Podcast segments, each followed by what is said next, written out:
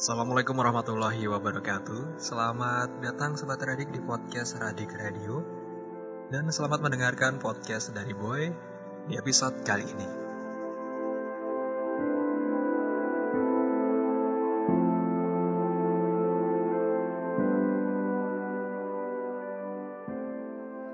Tapi Sobat Radik sebelumnya disclaimer dulu. Di sini Boy bukan bermaksud untuk menggurui atau bahkan so filosofis ya. Tapi di sini Boy pengen cerita aja ke sobat adik. Kita seru-seruan bareng lah ya.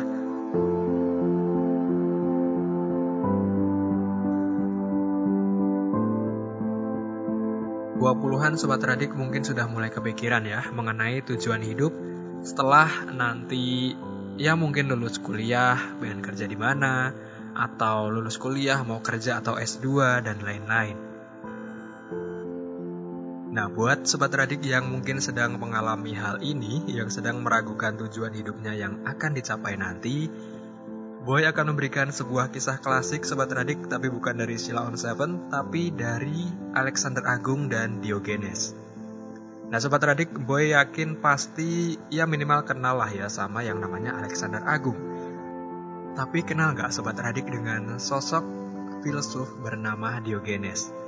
Nah, Boy kali ini akan menceritakan kisah dari Alexander Agung dan Diogenes dan apa sih hubungannya dengan meragukan tujuan hidup kalian.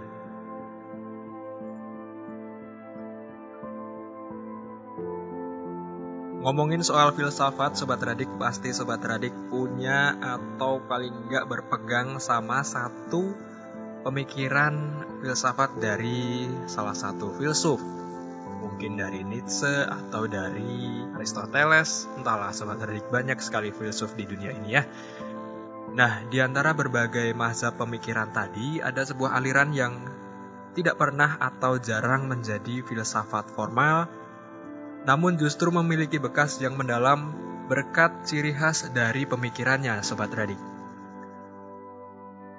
Pemikiran ini berjudul sinisme, jadi aliran ini memandang buruk pada manusia, tapi di saat yang sama, mazhab ini memiliki tujuan untuk kebaikan dan kebijaksanaan. Prinsip ini melekat kuat di dalam jalan hidup seorang Diogenes, yaitu sosok yang paling nyentrik dari sekian banyak filsuf.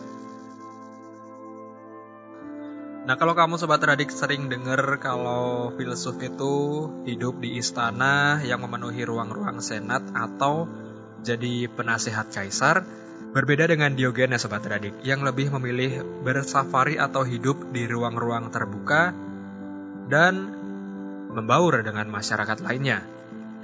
Nah, karena kehidupannya yang sangat sederhana ini, dia memilih untuk tinggal di sebuah tong bekas wadah fermentasi anggur bersama dengan anjing-anjing liar di pinggiran kota.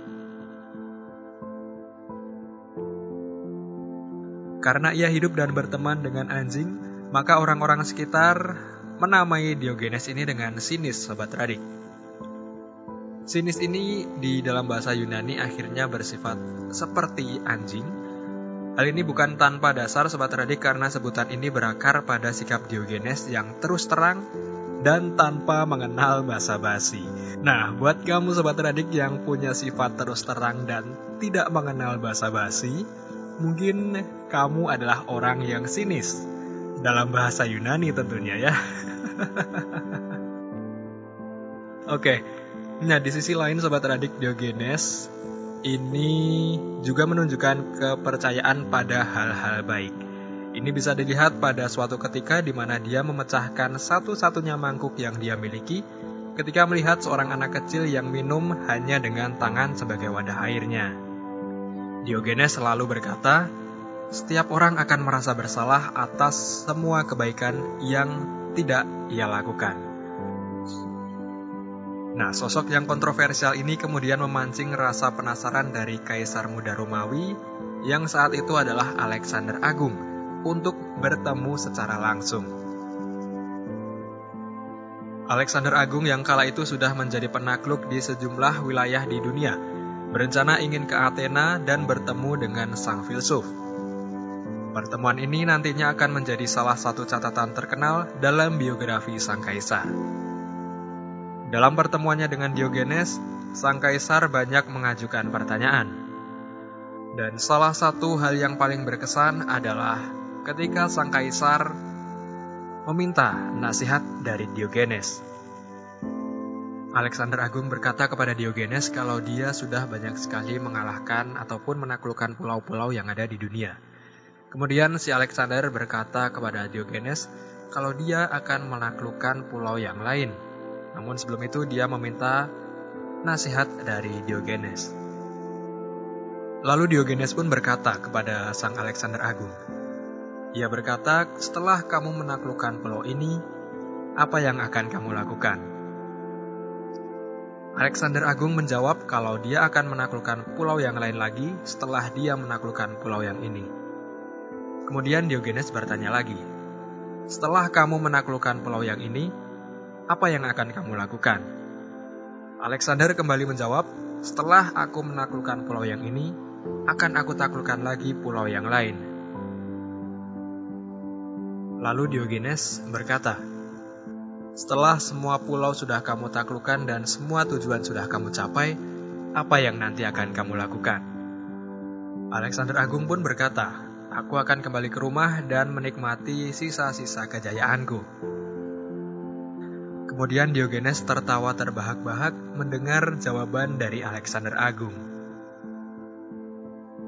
Diogenes lalu berkata, Kenapa kamu mau menaklukkan seluruh dunia jika tujuan akhirmu adalah bersantai dan menikmati kejayaanmu? Bukankah saat ini kamu adalah orang yang berjaya? Maka dari itu pulanglah dan nikmati kejayaanmu.